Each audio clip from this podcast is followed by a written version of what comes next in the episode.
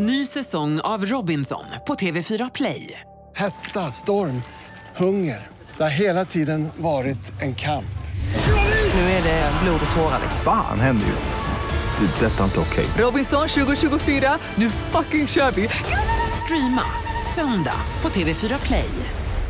Antingen så blir Ringo vid 15 års ålder kraftigt överviktig. Herregud. Eller så går han med i SDU, som är Sverigedemokraternas ungdomsförbund. Eh, jag väljer SDU.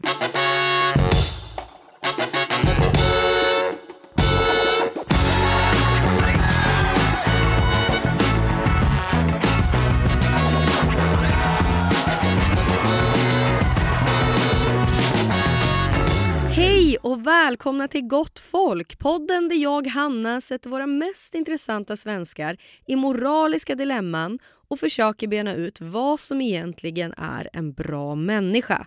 Och tycker de här kändisarna att de själva är goda? Det här är tredje säsongen. Välkomna tillbaka. Ni får hemskt gärna lyssna på tidigare avsnitt och jag vill också passa på att tacka för eh, allt det ni har skrivit. Eh, det har varit väldigt kul att läsa era reflektioner och åsikter eh, kring intervjuerna och jag uppskattar verkligen att ni är så pass många som lyssnar. Kul, tack för det. Dagens gäst eh, har jag en relation till på så sätt att jag bloggade på hennes sajt när jag var nyinflyttad vilsen 20-åring här i Stockholm. Eh, det var för tio år sedan. Hon betalade mig då i goodiebags. Är det moraliskt försvarsbart att betala en vilsen norrländsk 20-årig tjej på det sättet? Det vet jag inte. Det är det nog. Eh, jag var glad. Veckans gäst är alltså entreprenören och nöjesprofilen Katrin Zytomierska kanske en klassisk vattendelare. Folk älskar eller hatar Katrin. Hon har sparkat mot diabetiker och eh, hon tycker inte om eh, fetma, feta människor eh, känns det ju som. Eh, det är inte ofta jag håller med henne i sak. Hon kan säga saker som provocerar, verkligen. Eh, men jag tycker mig ändå förstå henne. Och jag kan uppskatta så pass tydliga och konsekventa personer som Katrin Zytomierska. Tycker också att hon har en otrolig talang för att skriva, speciellt hur hon skriver på Instagram. Så här, rakt från huvudet, väldigt så utan filter eller barriärer. Direkt som hon tänker och formulerar sig väldigt roligt och bra. Eh, hon är en eh, frisk fläkt, det måste man ju verkligen ge henne. Jag är lite nervös eh, inför den här intervjun. Hon eh, ställde in sist, men jag vet nu, vi har messat lite och hon har ringt mig också. Hon lät inte glad när taxin inte hittade henne på väg hit. Eh, ni kommer förmodligen höra att jag är lite nervös nu när hon kommer in här. Eh, må så vara! Välkommen in Katrin Zytomierska! Tack för att du eh, ville komma hit. Tack för att jag fick komma, vad roligt att vara här. Ja, du, vi kan ju vara transparenta med lyssnarna och vara ärliga och säga att du har ju inte lyssnat på den här podden. Nej. Eh, du har ingen aning om vad du tackar ja till. Nej. Eh, och du, eh, men du är här så att jag är jätteglad för det. Ja. Eh, jag vet att du har ett stressigt liv. Kan du inte börja och berätta bara, vad, vad, vad håller du på med? Vad gör du? Alltså framförallt så driver jag mitt eh, företag som eh, heter Clean Eating. Mm. Eh, där vi har eh, 40 produkter som vi säljer till återförsäljare i framförallt Sverige men även eh, USA, Kanada, Spanien, Finland, li- lite runt om i världen. Men det är det jag jobbar med, med de produkterna. Sen gör ju jag mycket runt omkring så det blir inte att jag lägger, kanske lägger 50% av min tid på liksom det arbetet. Mm. Ja men jag poddar, Relationspodden. relationspodden och sen har jag Mitt i livet-podden med Malin. Och sen är det väl inget mera som är så här regelbundet utan sen blir det ju alltid massor med något inhopp där, någon panelgrej, något program, någon skri- nu skriver jag jättesällan. Förr i tiden skrev jag Mm. väldigt mycket debattartiklar och sånt men det är så otroligt dåligt betalt och det tar ju så mycket tid så att du vet när man får så himla mycket att göra i livet så blir det ju tyvärr så att man till slut bara priori- börjar prioritera det som betalar bäst. Mm. Det är synd att du inte skriver mer. Jag säger det i introt om dig att din Instagram är ju en av Sveriges bästa när, för att du har så långa texter som Ja. känns så, så rakt ifrån din hjärna eh, och väldigt välskrivna. Alltså, Ja men jag kan ju skriva, jag har ju Ja. skrivit tre böcker och Jag hade ju en blogg en gång i tiden som var otroligt liksom, populär och omtyckt. Mm. Liksom, självklart både hatad och omtyckt men välbesökt. Liksom. Och jag, har, jag skulle ju verkligen kunna skriva eh, underhållande texter mycket, mycket mer men det finns ingen tid. Ja. Och du har tre barn också. Ja, Mm. precis. Ja, du har ju det du gör. Eh, du var ju på turné nu också såg Mm. jag. Eh, med, eller ni kanske är det? Fortsätter den? Nej? Den är. Vi, vi har kört två gånger nu eh, så jag tror att vi kommer stanna vid två gånger per år för att det är så, det är väldigt tidskrävande och framförallt energikrävande så att det räcker att göra det liksom en på vardera sida om året. Tycker du att du är en bra person? Väldigt bra person. Vill du att jag utvecklar? Ja, jättegärna. Ja. Jag tycker att jag har väldigt bra liksom, huvudpelare i mitt eh, liksom, sätt att resonera och bete mig efter. Sen, sen har jag mycket mm, så här, små såna här saker som bara liksom svischar runt i vardagen som inte är så betydelsefulla där jag eh, där jag kanske inte är perfekt enligt vad man egentligen liksom bör vara. Ja men som till exempel att jag alltid kör i bussfil, gärna mot trafiken, mot rött alltid. Alltså jag, jag skiter väldigt mycket i sådana, jag är inte så svensk av Nej. mig. Jag ställer mig inte i kö. Och hade jag ställt mig i kö så hade jag inte uppnått det som jag har uppnått idag. Utan jag är ju en väldigt bufflig person. Jag eh, liksom plöjer mig fram för att det måste gå väldigt, väldigt fort.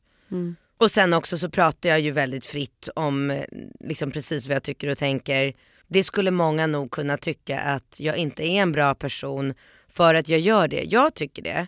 Jag har, båda mina föräldrar är från Polen. Jag har mer en polsk eh, mentalitet än en svensk. Och det ser jag också väldigt tydligt att eh, polska människor reagerar ju inte alls på saker som jag säger eller skriver. Eh, men det gör ju svenska människor. Mm. Men i det stora hela så tycker jag att jag är mm, en väldigt bra person. Jag har väldigt bra värderingar. Jag tänker den här buffligheten som du beskriver. Händer det då att folk blir sårade på vägen? Det händer, men det är inget som eh, bekommer mig. Jag tycker att det är hälsosamt att bli sårad. Jag uppmuntrar eh, kritik och negativa kommentarer i mina sociala medier och har alltid gjort det. Jag är inte för en perfekt värld där alla människor tycker att jag är skitsnygg, skitbra, värsta grymma förebilden och en perfekt människa. Jag tycker att det är väldigt uppfriskande när människor faktiskt vågar säga emot mig, eh, kritisera mig. Ja, det är väldigt välkommet. Jag har aldrig raderat en, eh, liksom en kommentar. Möjligtvis att jag kanske har tagit bort något som har varit liksom obehagligt som rör mina barn. Så. Där är det, det är en väldigt känslig punkt. Men, men annars så um, sitter inte jag och tar bort kommentarer bara för att folk inte håller med mig eller tycker att jag är skitsnygg och asbra jämt. Vad tycker du är en bra människa då? Alltså vad tycker du kännetecknar att vara en bra person? Att man är eh, kärleksfull, lojal, generös. Men att man är positiv energi överlag. Att man bryr sig om andra människor. Eh, att man ger, att man hjälper. Att man finns där för sina vänner och de som man bryr sig om. Men också att man är ärlig. Skulle du säga att du är ärlig? Ärlig är jag ju verkligen. Mm. Ja det är I alla situationer? Ja det är Händer det att du känner dig som en dålig person? Mm. Nej. Jag försöker leta efter någon, någon gång eller någon situation men nej, Har du mycket dåligt samvete? aldrig. Nej. Aldrig. Dåligt samvete kan jag ha i, ehm, i fem minuter om jag bråkar, eh, bråkar med någon av mina barn och så blir jag så provocerad. Det händer ytterst sällan men det händer. Alltså att jag, att jag liksom inte hinner köra min tanke genom filtret utan bara kanske kan så här, äh, prata till dem som om de vore vuxna. Att jag liksom glömmer bort att nu står jag och pratar med en femåring och så kan jag säga så här, "Vad fan är du helt jävla dum i huvudet? Sen bara, men hur, du vet, då kan jag få dåligt samvete en liten stund men sen så pratar jag ju på en gång liksom med den, om det nu var Rambo då, så här, ja det var ju fel av mamma att liksom reagera så eller så jag kan ju få dåligt samvete för så här korta liksom, saker men inte något annat, nej. Har du lätt att säga förlåt? Jag tycker det, mina ex tycker inte det. Eh, mina exmän tycker ju att jag alltid har rätt i allting, att det alltid är my way or the highway. Lite så är det, för att jag tycker oftast att jag har rätt själv. Nej, men jag tycker att jag har eh, jag tycker att jag har gjort det ganska mycket på sista tiden. Att speciellt gå ut i Instagram och så här, ja men det, jag, hade fel här. Ångrar du grejer då? Nej ingenting, den frågan får jag alltid. Jag tänker, eh, det var ju en incident som blev lite snackad om under din kompis bröllop. Ja. När du skrev på Instagram. Ja. Jag tänker där du shameade en annan gäst eller du, du skrev om deras, ert, ert bråk Ja. eh, på Instagram. Eh, och det var ett inlägg som du tog bort. Mm. Varför gjorde du det? Bara för att eh, journalisterna började ringa till bruden. Och då tog det bort fokus från hennes bröllopsdag och det var ju aldrig min mening. Hade journalisterna bara ringt till mig och sen kunnat göra, eh, skriva i tidningarna om bråket mellan mig och den här personen utan att blanda in den viktigaste dagen i min väns liv så hade jag ju gladeligen tagit emot det här. Jag tycker ju om att bråka. Jag tycker ju om konflikter. Och jag tycker definitivt om att starta debatter och liksom allt det där. Men jag vill inte ta fokus från min väns bröllopsdag. Så det var, och det är därför jag, jag kan inte gå in och prata om den här incidenten här och nu. Nej. För då blir det artiklar igen. Men jag tänkte att det var kanske en sån grej som du då skulle ha ångest över. eller Nej absolut inte. Jag har inga sådana, eh, vad heter jag har inte de ehm, mekanismerna i min kropp för att ha eh, ångest eller dåligt samvete över. Är det någon person som gör någonting mot mig som gör mig upprörd, förbannad, som får mig att reagera. Alltså då kan jag köra hur hårt som helst mot den personen. Jag skulle inte få dåligt samvete. Jag har ju gjort jättemånga sådana saker genom åren. Alltså jag har ju bråkat med höga chefer på tv-kanaler och tidningar. Eh, målat ut journalister, eh, bytt ut ansiktet till en så här råttansikte på någon journalist som skrev en dålig, eller liksom fel, inte dålig. För det är ju jätteviktigt att se skillnaden på, man får gärna skriva dåligt om mig. Eh, men man får inte skriva felaktigt. Man får, Nej. inte, man, man får ta det jag säger och skriva och s- skriva det jag sa och sen skriva vad man tycker om det själv. Man får inte skriva att jag sa något som jag inte sa. Nej. Då blir jag ju jävligt sur. Hur är du då ifall, ifall de människorna som du har konflikter med, ifall de eh, kommer fram och, och ber om ursäkt, har du lätt att ta emot sånt då? Så när man då försöker sträcka ut en hand? Ja det har jag ju Mm. absolut. Bara de rättfärdiga problemet också. Det räcker ju inte med eh, någon gång för jättemånga år sedan så skrev, jag kommer faktiskt inte ihåg om det var Expressen eller Aftonbladet, jag tror att det var Expressen som skrev att jag fick sparken från Idol när jag inte hade fått den. Och då blev jag jävligt sur och då ringde jag upp honom och så var jag väldigt otrevlig och berättade konsekvenserna för honom eh, som kunde bli om han gjorde mig riktigt jävla förbannad. För vid den tidpunkten hade jag redan Sveriges största blogg så jag hade ganska mycket makt vilket är jävligt roligt när man pratar med en högt uppsatt chef på en av de största tidningarna i Sverige. Och han visste ju också det att jag, jag hade ju makt precis som han hade makt. Och då skrev han ju sen eh, en ny liksom, artikel om att eh, det var felaktigt att jag inte hade fått sparken utan att så här var läget och då är det ju fine, då är vi kompisar igen. Det går bra. Jag har någonting i den här podden som heter Moralsnabbisen. Och det handlar om att jag kommer eh, ställa snabba frågor och du kommer få svara hur långt du vill. Okej. Äter du kött? Nej. Varför? Oj, för att svara lite kort på det så um, är jag ganska insatt. Inte överdrivet men ganska insatt. Och jag vill inte stödja eh, köttindustrin så det är en aspekt. Jag tycker att det är fruktansvärt. De dokumentärer jag sett och det jag sett om hur man tar fram kött i USA. Hur onaturligt och eh, liksom fruktansvärt det är för djur. Hela den industrin känns för mig bara så här, finns inte ett rätt med det. Men också ur ett hälsoperspektiv. Det finns ju eh, forskning som bevisar att rött kött är både cancerframkallande men framförallt eh, väldigt inflammatoriskt. Och jag försöker, jag är en väldigt hälsosam, alltså om man jämför med gemene, gemene man så är jag ju extremt hälsosam. Och jag eftersträvar ju att hålla ett perfekt pH-värde i min kropp. För att jag ska må bra, se bra ut, känna mig bra. Jag tycker för mig är det väldigt tydligt vad jag stoppar i mig, hur jag mår.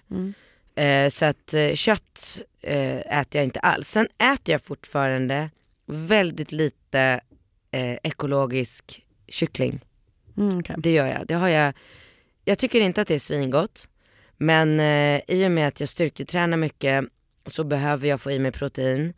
Det är väldigt svårt att få i sig tillräckligt med protein för att kunna bygga muskler utan eh, animaliskt protein. Har du någon klimatångest? Eh, nej, det har jag inte. Känner du någonting för klimatet? Alltså är du engagerad i det på något sätt? Nej, det är jag inte. Förutom det att jag, eh, alltså jag är ju uppfostrad av en polsk mamma som eh, aldrig har varit slösaktig med någonting på något sätt. Och idag inser jag att den uppfostran har resulterat i att jag har blivit en människa som är väldigt klimatsmart. Jag tvättar eh, väldigt lite. Alltså jag använder min eh, tvättmaskin väldigt lite mot vad jag skulle kunna jämföra. Jag säger, förklarar för barnen att de visst kan gå i samma liksom, kläder flera dagar utan att behöva tvätta dem. Alltså jag, du vet så små saker, jag källsorterar, jag köper bara ekologisk mat, jag promenerar, jag handlar inte billiga och mycket kläder utan jag köper istället ett dyrt plagg och så har jag det i hundra år. Och det är någonting som du har med dig sedan du var liten? Ja. Det är inte att du så här, oj nu Nej. ser rapporten ut så här, nu Nej, på mig. Mm. så här har jag alltid levt. Så här har min mamma lärt oss att vi ska leva. Kastar aldrig mat, aldrig någonsin. eh, Alltså så här, är det en tomatskiva kvar så plastar jag in den och lägger den i kylskåpet för den kan jag lika gärna äta dagen efter. Liksom. Så att, ehm, jag tycker nog att jag, sen visst jag flyger flygplan och jag åker, jag har en båt på landet. Nu eh, har jag precis blivit informerad om den här nya eh, eldrivna båten. Så sån ska jag absolut köpa och liksom ta bort min bensindrivna båt. Så att jag är väldigt, jag tycker om att anpassa mig efter att eh, vara bra för miljön. Allt som går, gärna. Vad står du politiskt? Eh, mm, gud nu blev jag så ställd. Eh, vän, nej, höger? höger. Jag är så jäkla ointresserad. Okej, ja, du, är inte, du är inte insatt i partipolitik på det sättet? Nej, jag röstar på Nej. Moderaterna. Okej. Mm. Tycker du att droger ska legaliseras? Eh, wow. Ja, det tror jag nog att jag skulle kunna tycka för att jag tror att det är allt som går att avdramatisera är bra. Jag tycker inte att, alltså om vi ändå har bestämt oss för att alkohol ska vara eh, legalt i vårt land så borde ju kanske droger också vara det. Kanske inte alla droger. Jag är jättedålig på droger, jag använder aldrig droger själv. Men jag vet ju att i många länder så är det mera vanligt att man röker marijuana och hash än att man dricker alkohol.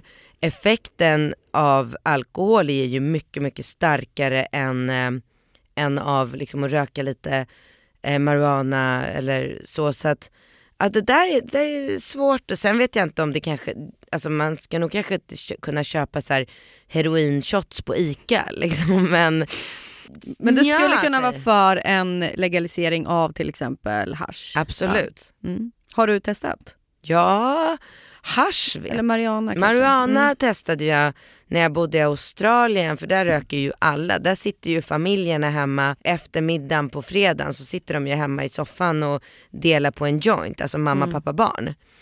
Så vanligt är det. Så där var det ju inte något så här att man behövde gå och gömma sig för, för att röka lite marijuana. Eh, I USA, också i USA är det ju så här, där är det ju, där går det ju att köpa det på gatan. Så, där. Mm, så att, Nej, men det har jag. Men jag har provat lite droger, väldigt väldigt lite. För att jag, jag har aldrig varit med om att jag har fått en fantastisk effekt av droger. Mm.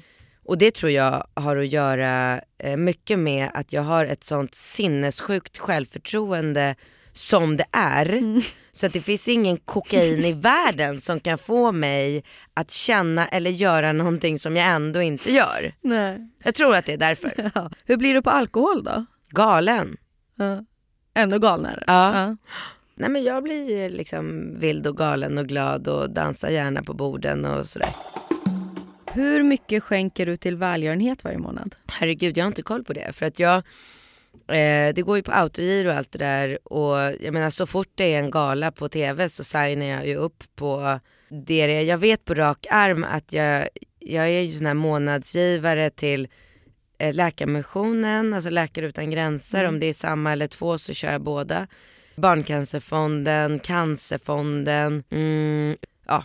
Så det, jag försöker, jag, de flesta. Och sen, sen är jag ju så här, jag svarar aldrig, det här är i och för sig kanske jävligt korkat att säga här nu men jag säger aldrig nej. När det ringer en säljare till jobbet, det är väldigt svårt att få tag på mig och få liksom för min, min personal vet att jag är aldrig på plats om någon ringer. Men ibland kan det ju vara så att någon tar sig igenom, du vet någon är på toaletten, någon sitter i telefon och jag faktiskt svarar. Du vet alla sådana här eh, organisationer som hjälper utsatta barn, eh, organisationer som behöver resurser till Svenska skolan eller eh, allt. Liksom. Då säger jag absolut kör på, skicka faktura, då går vi bara framåt. Men du har alltså ingen, ingen som helst koll på hur mycket det är? Nej det har Nej. jag absolut inte, några tusen lappar i månaden säkert. Och då gissar jag att du öppnar kanske inte de här breven som man Nej. får från... Nej. Tycker du att vi rika i västvärlden har ett ansvar att hjälpa människor i den fattigare delen Ja tycker jag. Är det okej att köpa sex? Ja varför inte? Man, många tycker ju att eh, det är människohandel, trafficking, kvinnor far illa. Det är inget bra. Nej. Men eh, jag känner ju flera som säljer sex som är jätteglada, mår fantastiskt bra av det och eh, säljer sex så som jag säljer knäckebröd så att jag kan inte se något fel i det. Även fast, eh, skulle du då tycka att det, för det är ju olagligt i Sverige att köpa sex, inte sälja, men skulle du vara för en legal, legalisering av att köpa sex? Ja. Du ser inget problem med att det är väldigt många som inte mår så bra som säljer sex? Jag tror tvärtom att om man skulle göra det legalt så skulle man kunna göra det ordentligt. Eh, liksom driva eh, seriösa bordeller av seriösa människor som betalar skatt och moms som eh, vi gör på alla företag där eh, som har eh, kollektivavtal för de eh, liksom tjejerna.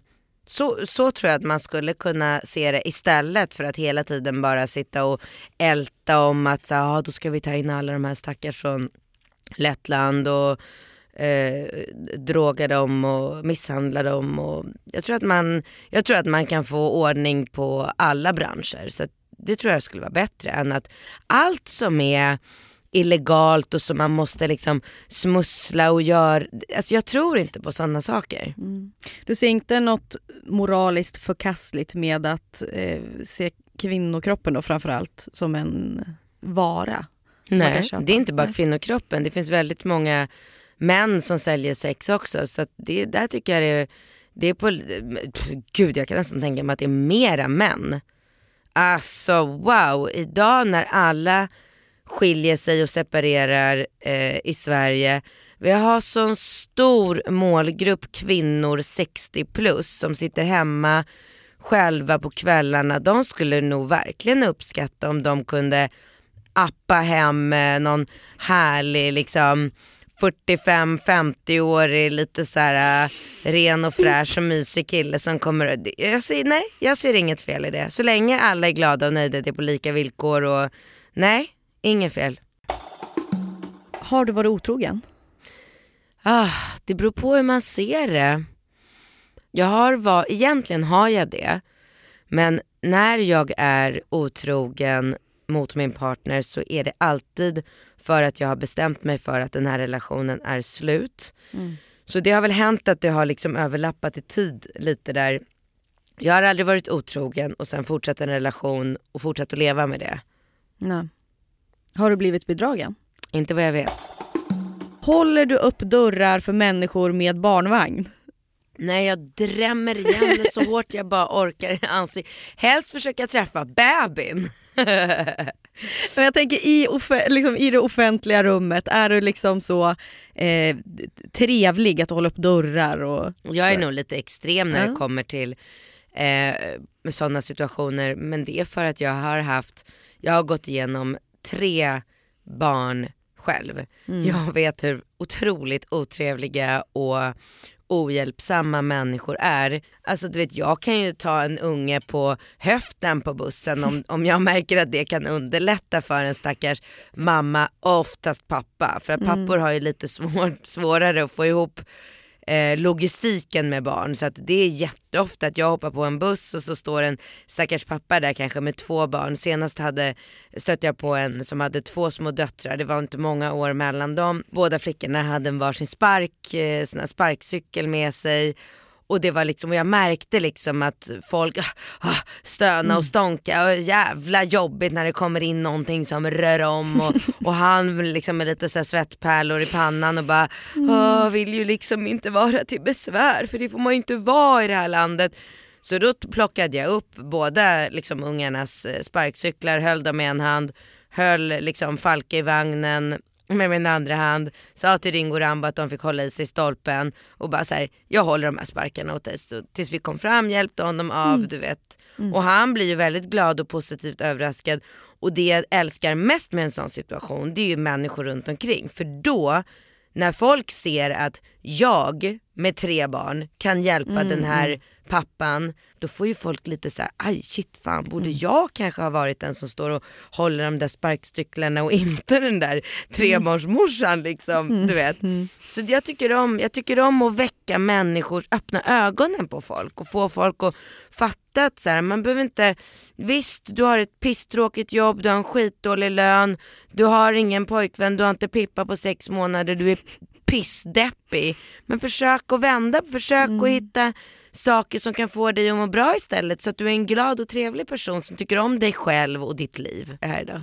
Bra, jag tycker du klarar dig bra genom den här moralsnabbisen. Du är ju väldigt tydlig. Tack. Du är den tydligaste gästen jag haft tror jag. Mm, wow. Det är liksom konsekvens, konsekvent, det är du. Jag är en extremt tydlig person. För mig finns bara svart eller vitt. Jag har ingen mellan. Jag har ingen gråzon på gott och ont. Ny säsong av Robinson på TV4 Play. Hetta, storm, hunger. Det har hela tiden varit en kamp. Nu är det blod och tårar. Fan händer just nu. Det. är Detta är inte okej. Robinson 2024, nu fucking kör vi! Streama söndag på TV4 Play. Ett poddtips från Podplay. I fallen jag aldrig glömmer djupdyker Hasse Aro i arbetet bakom några av Sveriges mest uppseendeväckande brottsutredningar. Går vi in med hemlig telefonavlyssning och, och då upplever vi att vi får en total förändring av hans beteende. Vad är det som händer nu? Vem är det som läcker? Och så säger han att jag är kriminell, jag har varit kriminell i hela mitt liv men att mörda ett barn, där går min gräns. Nya säsongen av Fallen jag aldrig glömmer på Podplay. Jag har ett annat segment som heter Vad sa du sa du? Det finns ju väldigt mycket citat att hitta från dig. Väldigt Alltså, mycket. En googling så är du, du är ju en En citatmaskin. citatmaskin är jag. Du vet när Verkligen. jag hade 40-årsfest. Jag hade en 40-årsfest i Nice. Min pappa bor Mm. i Frankrike i Nice och har en eh, privatstrand där. Så den hade jag en 40-årsfest på där jag bjöd ner alla mina vänner. Och Bingo gjorde då som en, födes, en liksom födelsedagspresent till mig. Han printade ut alla jävla citat och tapetserade hela stranden. Med, alltså det var så roligt och det var då jag insåg att helvete vad mycket citat jag har. Ja. Ja, Ja, det är mycket rubriker. ja. Det här är ju taget ur sin, sitt sammanhang men eh, det är en grej du har sagt som jag skulle vilja ha då lite så um, eh, din take på. Vad menade du och vad känner du efter att sånt här lyfts upp i kvällspressen. När, hur länge sedan var det? Det är den 6 mars 2018. Det är ett citat från din, 2018? din och Malins, Malin Gramers podd. Oh, nu vet jag vad jag ska säga, det är så uttjatat. Ja, Ja, men det är ändå passar i den här podden. Jag kunde Okej. inte lå- låta ja, bli. Ja. kör. Citatet går så här. Jag blir exponerad, exponerad för hela den här fläskiga magvalken. Hon drar inte upp den så mycket så jag får syn på hennes bh med magen utanför. Jag blir ganska paff av den här synen. Shit, vad gör hon? Ja, det var inte alls det jag trodde du skulle säga. Nej! Ehm, men det där, var det där kallar du det ja, för citat? ja, men det, var, det, vart en, Men, rubrik, eh, det vart en rubrik. Ett eh, stycke? typ. Jo, jo, ja. Men det vart ett, en rubrik också i ehm, En rubrik? ja, några. Mm. Mm. Kan du inte bara lite kort berätta? För jag tänker, det här att säga så Ja. i sin podd, eh, du måste ju kanske, då fattar du kanske att det här kommer kvällstidningarna göra någonting på. Nej. Som att det, nej, okej. Det fattar jag aldrig. Nej. Jag tar inte för givet att folk ska lyssna på min podd eller läsa min text eller bry sig om vad jag tycker. Nej det gör jag aldrig. Mm. Men ja, Nej men för att jag tänker på, eh, det är ju ganska liksom rått att säga så om någon annan och liksom fläskig magvalk och sådär. Alltså Eh, rått Det var ju om diabetes. fakta. Ja, Mm. ja det var ju om diabetes. Det var ju en grej då, Peter Ja. Jihde gick ut och svarade Ja. och sådär. Ja. Det var ju någon som skulle ta en diabetesspruta så som jag förstår Ja. Jag har väl ingen direkt fråga kring det här mer än att så här, äh, hur tänker du när du säger sådana grejer? Hur jag tänker? Ja men eller liksom vad, du säger att du förstår inte att det blir en rubrik. Eller att det kommer bli en rubrik. Eh, och jag menar på att eh, eh, det är ju lite kontroversiellt att säga om någon som är, har diabetes och där. Men varför tycker du det? Det förstår jag inte. För att, att ha en sjukdom är ju ingenting som jag eh, på något sätt eh, hånar eller förminskar eller Mm. kritiserar eller har någon åsikt om. Det är ju fruktansvärt att människor har sjukdomar. Alla sjukdomar är lika hemska. Mm. Men alltså det handlar ju inte om hennes sjukdom här utan det handlar ju om hennes beteende. Mm. Eh, och det är beteendet jag kritiserar. Jag vill inte sitta och äta middag med en person vid bordet bredvid mig som drar upp tröjan och exponerar sin, i det här fallet, överviktiga kropp för mig och sen sätter en spruta i sin mage framför mina ögon, för då dör jag. jag fa- alltså, eller dör jag gör jag inte, men jag, jag tappar matlusten, jag vill gå därifrån. Jag vill inte vara i den situationen, jag vill inte behöva exponeras för det. Jag har ingenting emot att hon eh, tar en diabetesspruta vid matbordet. Men hon behöver inte dra upp hela tröjan när hon gör det. Hade det varit mer okej om hon hade ett sexpack? För mig personligen hade, hade det varit det. Det hade jag ju inte blivit, alltså det hade jag ju inte tappat matlusten av eftersom jag personligen tycker att det är snyggt och attraktivt. Men det är ju en smaksak. Men nej, det, då hade jag nog inte tyckt att det var lika så här, satt liksom eh, det nu åt i, liksom, eh, hade inte vänt sig i munnen på mig.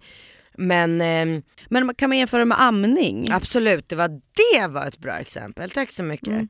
Jag hade reagerat och har jättemycket genom åren reagerat på det och skrivit och pratat om det också.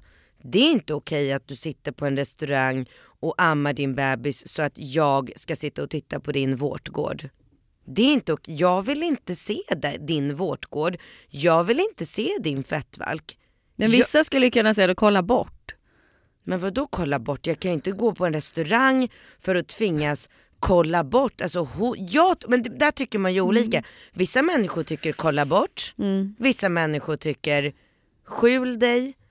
ehm, sätt din spruta i magen under tröjan. Gör saker och ting lite diskret. Eh, jag, tycker att, jag tycker inte att barn får skrika på restaurang heller. Vissa tycker gå därifrån. Jag tycker håll pli på ungen så att den inte skriker eller kastar mat. Vet du, många gånger jag har gått fram till ehm, eh, folk som sitter, mammor som sitter med sina eh, liksom, barn i barnstolar som skriker och kastar mat och för ett jävla... Alltså, jag har gått fram jättemånga gånger och sagt ursäkta kan du bara försöka dämpa ditt barn lite grann? Jag sitter här och försöker äta en lunch, du äger inte den här restaurangen. Man måste visa respekt för andra människor och i det tycker jag eh, det ingår att inte visa eh, liksom kroppsdelar i samband med eh, matintag. Alltså, Mm. Men sen var det ju den här situationen som jag blev utsatt för på den här, jag tror det var en Max-restaurang. Den var ju extrem från start. Alltså, jag hade kanske inte ens lagt märke till den här kvinnan, hennes eh, fläskiga mage och hennes spruta om det inte var så att hon skrek. Alltså hon skri- det, det var ju så allting började. Hon skriker till liksom sin gubbe som står i kön. Köp med en Fanta till mig! Skriker hon så här. Och det är det som får mig och så här, jag bara herregud vad är det för dåre som skriker i mitt öra? Vänder huvudet till vänster, ser den här, äh, ja men inte så diskreta människan då. Och i samma sekund som jag får syn på henne när hon har skrikit till sin man, eller om hon skrek om pommes frites förresten. Då drar hon upp tröjan så hela den här fläskmagen, eh, liksom, det är det jag ser då. Jag känner bara så här, åh herregud. Och då kom en spruta. Så det var liksom bara så här, hon skrek, hon visade magen, hon skickade ner en spruta och sen satt hon och tryckte i sig pommes frites och hamburgare och allt sånt som en diabetesperson inte bör trycka i sig. Det var allt liksom. Och då reagerar jag på det och det står jag för. Men jag tänker, först kan du ha förståelse för att man, jag tänker att hon, man är ju olika och har olika förutsättningar. Hon kanske inte förstår, hon kanske inte har haft möjlighet att äta nyttigt för att hon har inte liksom rätt information eller hon kanske är deprimerad, hon orkar inte. Alltså det finns ju så Hon är många... deprimerad för att hon trycker i sig pommes frites naturligtvis. Det blir alla deprimerade av. Det finns ju ingen näring. Det är klart att varken hjärna eller hjärta eller blodkärl eller någonting i hennes kropp. Och det här med att hon inte har information. Så kan man ju inte säga. Alltså informationen om vad som är eh, hälsosamt, vad, vilka, liksom vilka råvaror som har vilken näring. Det måste man väl ändå kunna kräva. Men jag tänker att man har olika förutsättningar och liksom ta till sig information och förstå och liksom... Jag vet inte, det är ju, man, det är ju en större diskussion men jag tänker med, för man ska prata om klass, hon kanske kommer från en bakgrund som där hon inte har bara haft den möjligheten eller den uppfostran eller vad det nu kan vara. Då kanske äter skit hela hennes uppväxt. Jo men det är ju det här jag jobbar med. Det är ju Mm. det här jag är en kämpe för. Att eh, hjälpa och informera och tillverka produkter och skriva böcker och skriva artiklar och bråka med tjockisar för att få uppmärksamhet för att skapa debatt. Och det är ju det jag gör. Mm. Någon måste göra det. Jag gör det. Sen får jag en del skit på vägen. Det stör mig inte alls. Moraliska dilemman ska vi snacka om nu. Jag kommer sätta in dig i en fantasisituation och jag vill veta vad skulle du göra här? Ja, ja, kör, kör. Rambo har fått magsjuka. Han blir dock bättre efter bara en dag. Men förskolan vill att man ska vara hemma minst tre dygn efter sista spyan. Du har viktiga möten och Bingo är iväg och fotar. Han ser ju faktiskt frisk ut. Skickar du iväg Rambo till förskolan ändå? Ja. ja. Snabbt svar. Mm. Har det hänt? Jag tror inte det för att eh, mina barn får ju aldrig såna där sjukan.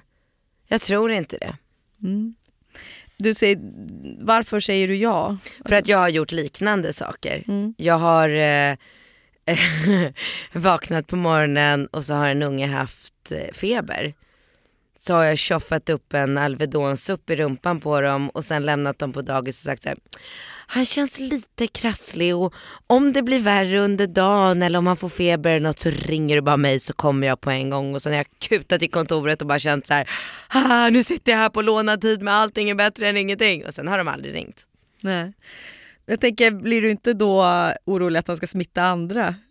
Sådär, det är det. Vet du, det är sån jäkla bakteriehärd och virus och löss och springmaskar på eh, förskolor och skolor precis hela tiden och jämt. Eh, och det är så här, om alla skulle anstränga sig så att vi blev av med det här då skulle jag verkligen göra det också. Men i och med att ingen gör det de ska, ingen bryr sig så är det så här, det är som att, vad säger man, kasta pärlor för svin, kan man säga så? Det, det, det, är så här, det ger, ger ingen effekt.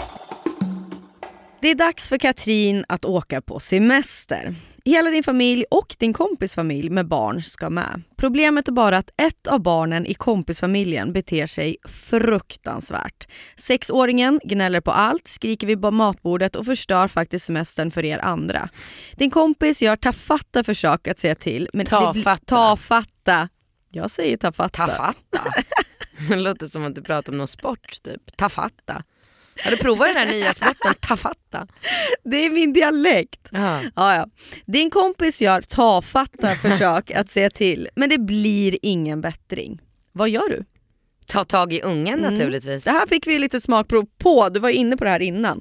Så det var ett ganska självklart eh, svar då. Vad, vad säger du till ungen? I det här extrema fallet som du målade upp just nu så hade jag nog eh, tagit barnet, tagit det åt sidan. Hur gammal var den sa du? Fem? Sex. Sex år, jättestor som Rambo. Superenkel att prata med och resonera med. Så jag hade nog tagit, om jag märker liksom att min kompis försöker och det funkar inte, ungen har liksom satt sig på henne för länge sedan. Så nej men då hade jag gått åt sidan med barnet och så hade jag liksom pratat och sen gjort en plan. Och ja, men gjort någon smart strategisk plan som går ut på att han eller hon beter sig och kommer på något smart belöningssystem också.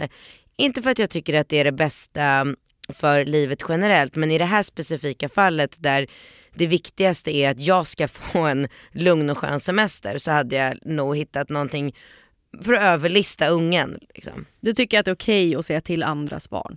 Verk, mer Ja. än okej. Är det okej när de säger till dina barn? Åh, jag älskar det. Ja. Jag älskar det. Jag, säger, jag går ju fram till flygvärdinnor på flygplanet och ber dem säga till mina barn. För jag vet att om en utomstående säger till så blir det en helt annan effekt. Det var ju så roligt, nu kom jag på faktiskt en gång när jag flög. Kommer inte ihåg om det var Rambo eller Falke som var liten och jävlig ett år, värsta åldern. Kuta fram och tillbaka i gången, vägrade att sitta på sin plats.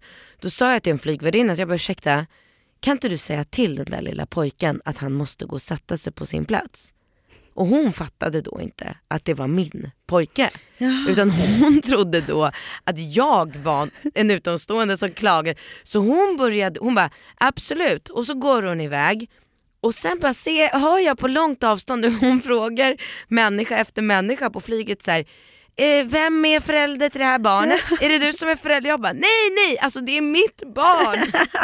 så det gör jag verkligen. I Fördomspodden förresten med dig så, så sa du att du, kunde, att du tyckte att barnaga inte var fel jämt. Mhm. Eh, det här var ju något år sedan. Ja, undrar vad, det måste vara Han hade väl någon fördom om, jag ska inte felcitera, men han hade någon fördom om dig och barnaga, att, inte, att du kunde tänka att det inte alltid var fel. Är det någonting som du fortfarande kan stå Men det bakom? beror ju på, alltså i Sverige så är väl aga, bara man tar tag lite hårdare i armen på ett barn så är väl det klassat som aga. Mm. Det gjorde mina föräldrar jämt med mig. Naturligtvis, Ja. det gjorde man på när vi var små. Ja. Så att det är möjligtvis något sånt. Jag tycker aldrig att man har rätt att slå ett barn. Aldrig, aldrig någonsin. Men att ta lite hårdare tag eller dra i örat eller alla sådana saker tycker jag absolut direkt nödvändigt. Skulle Mm. aldrig göra det. Nu är jag klar med socialen på ett tag. Mm. Mm. Jag skulle aldrig dra mitt barn i örat. Du får en miljon för ett samarbete med ett klädföretag. Eh, du ska göra några instagrams, det är väldigt mycket pengar. Det är inte offentligt men företaget har barnarbetare som jobbar under tuffa omständigheter. Ingen annan än du och företaget vet om detta och det kommer inte heller komma ut. Gör du det här samarbetet? Aldrig. Nej.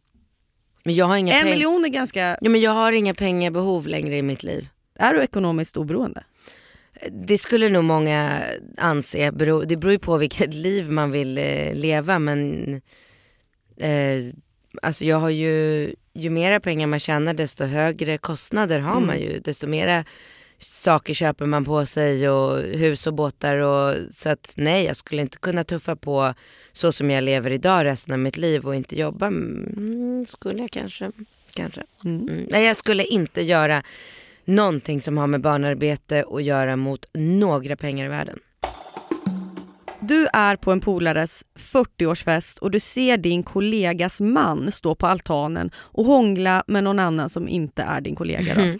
Du känner ju din kollega men du känner ju inte henne jättebra. Hur bra?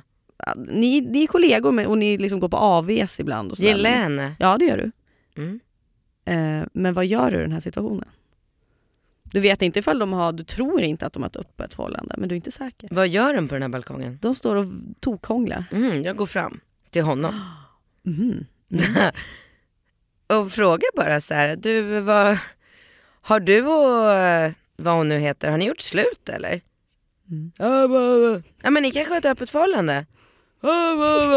Nej för annars är det ju jävligt opassande att du står och hånglar med en annan brud framför ögonen på oss andra. Det är Mm. väldigt respektlöst mot min kollega som jag råkar tycka mycket om. Hej då. Sen skulle jag gå till min kollega och berätta vad jag sett. Ja, du skulle även göra det. Absolut. Eh, vi har ett sista moment, det heter antingen eller, det går väldigt snabbt. Eh, det är alltså som pest eller kolera. Antingen så blir Ringo vid 15 års ålder kraftigt överviktig. Herregud. Eller så går han med i SDU, som är Sverigedemokraternas ungdomsförbund. Jätterolig fråga. Eh, jag väljer SDU. Vad fan! Han kan ju, vadå? Du väljer hellre att han går med i SDU än att han blir kraftigt överviktig. Ja. Varför? Nej, men för jag tänker att eh, det är lättare för mig att prata honom, eh, prata honom ur det sen och förklara för honom hur dumt det är att vara med i det och få honom därifrån än att eh, Nej men alltså jag kan inte, jag kan inte tänka mig eh, att ha liksom ett barn som är kraftigt överviktigt. Inte, alltså inte av någon aspekt. Liksom, nej, nej, nej, nej, nej. Behöva sitta i fängelse för ett brott som du inte har begått eller låta någon annan sitta inne för något brott som du faktiskt har begått. Fattar ingenting. Antingen så... Eh, Sitta inne för något jag inte gjort, alltså oskyld, sitta i fängelse oskyldig. eller att du, låter någon, att du faktiskt har begått ett brott. Ja, men någon annan- annans. Mm. Det är en jättesvår fråga också. Jätte, jättesvår för att, jag vet inte om jag får svara så här. Hade jag inte haft barn så hade jag suttit inne, hellre suttit inne oskyldig än att gå runt med det dåliga samvetet. Mm. Men nu eftersom jag har tre barn så tvingas jag välja det andra alternativet för mina barn behöver mig mer än vad den vuxna människan Alltså om inte den personen har barn, för då sätter jag de barnen. Men jag skulle ändå alltid prioritera mina barn såklart framför andra. Så att, Förstår du? Mm, låter rimligt. Tack. Antingen så kommer du, eller går du in i rummet när något av dina barn, när de är myndiga då, eller byxmyndiga, ligger med någon. Mm. Eller så går något av dina barn in när du ligger med någon. Jag går in såklart. Är inte det större trauma för barnet? Eller alltså för någon av Nej men du har ingen aning om hur jag ligger. dina... ja, nej, det är sant. Nej nej nej, nej. jag går in. ja. ja. Det är inte större trauma för barnet. Nej. Mm. Kul! Bra! Gud förlåt att jag skrek. eh, nu är tiden ute och eh, vi ska säga hej då. Hej då. Tack så hemskt mycket Katrin för att du klämde in eh, mig i det här Jättebra hektiska. podd, du är skitduktig. Det är skitkul, det är rappt, det är intressant, det är genomtänkt, det är smart. Det är ovanligt. Ja, vad kul. Mm. Bra. Kul att, att höra. Eh, nu får ni följare eller ni lyssnare eh, dumma Katrin. Ni får gärna göra det genom att eh, slida in ett DM. Kanske på min Instagram, det heter Hannapi, eller på Katrin Zytomierskas nej, Instagram. inte på mitt Nej, Instagram. Jag har i- flera hundra DMs Hon där. öppnar inte era Nej. DMs. Eh, det gör däremot jag. Ja. Så skriv gärna vad ni in tyckte. på Hannas DM, jag länkar, jag forwardar allt till dig så kan du sitta och traggla med de här alla rabiata människor som bara Tänker du att eh, Ringo ska vara med i SDU och ute? De kommer inte kunna formulera, kommer vara så upprörda. Eh, och det är kul, jag älskar Ja sånt. det är jättekul. Eh, har du någonting slutligen som du vill tipsa om som man borde göra? Ska man köpa ditt knäckebröd? Ska man lyssna Våra på nya eh, julprodukter är helt fantastiska. De kom idag. Det är pepparkaksmüsli, vörtbröd och pepparkaks råfoodbollar. Alltså, åh, Missa Mm. inte dem på ICA-butikerna kan jag säga. Nej, det är, inte- och det är inte grejer man blir tjock av. Nej, naturligtvis inte. Kung. Eh, tack alla, hej då. Hej då!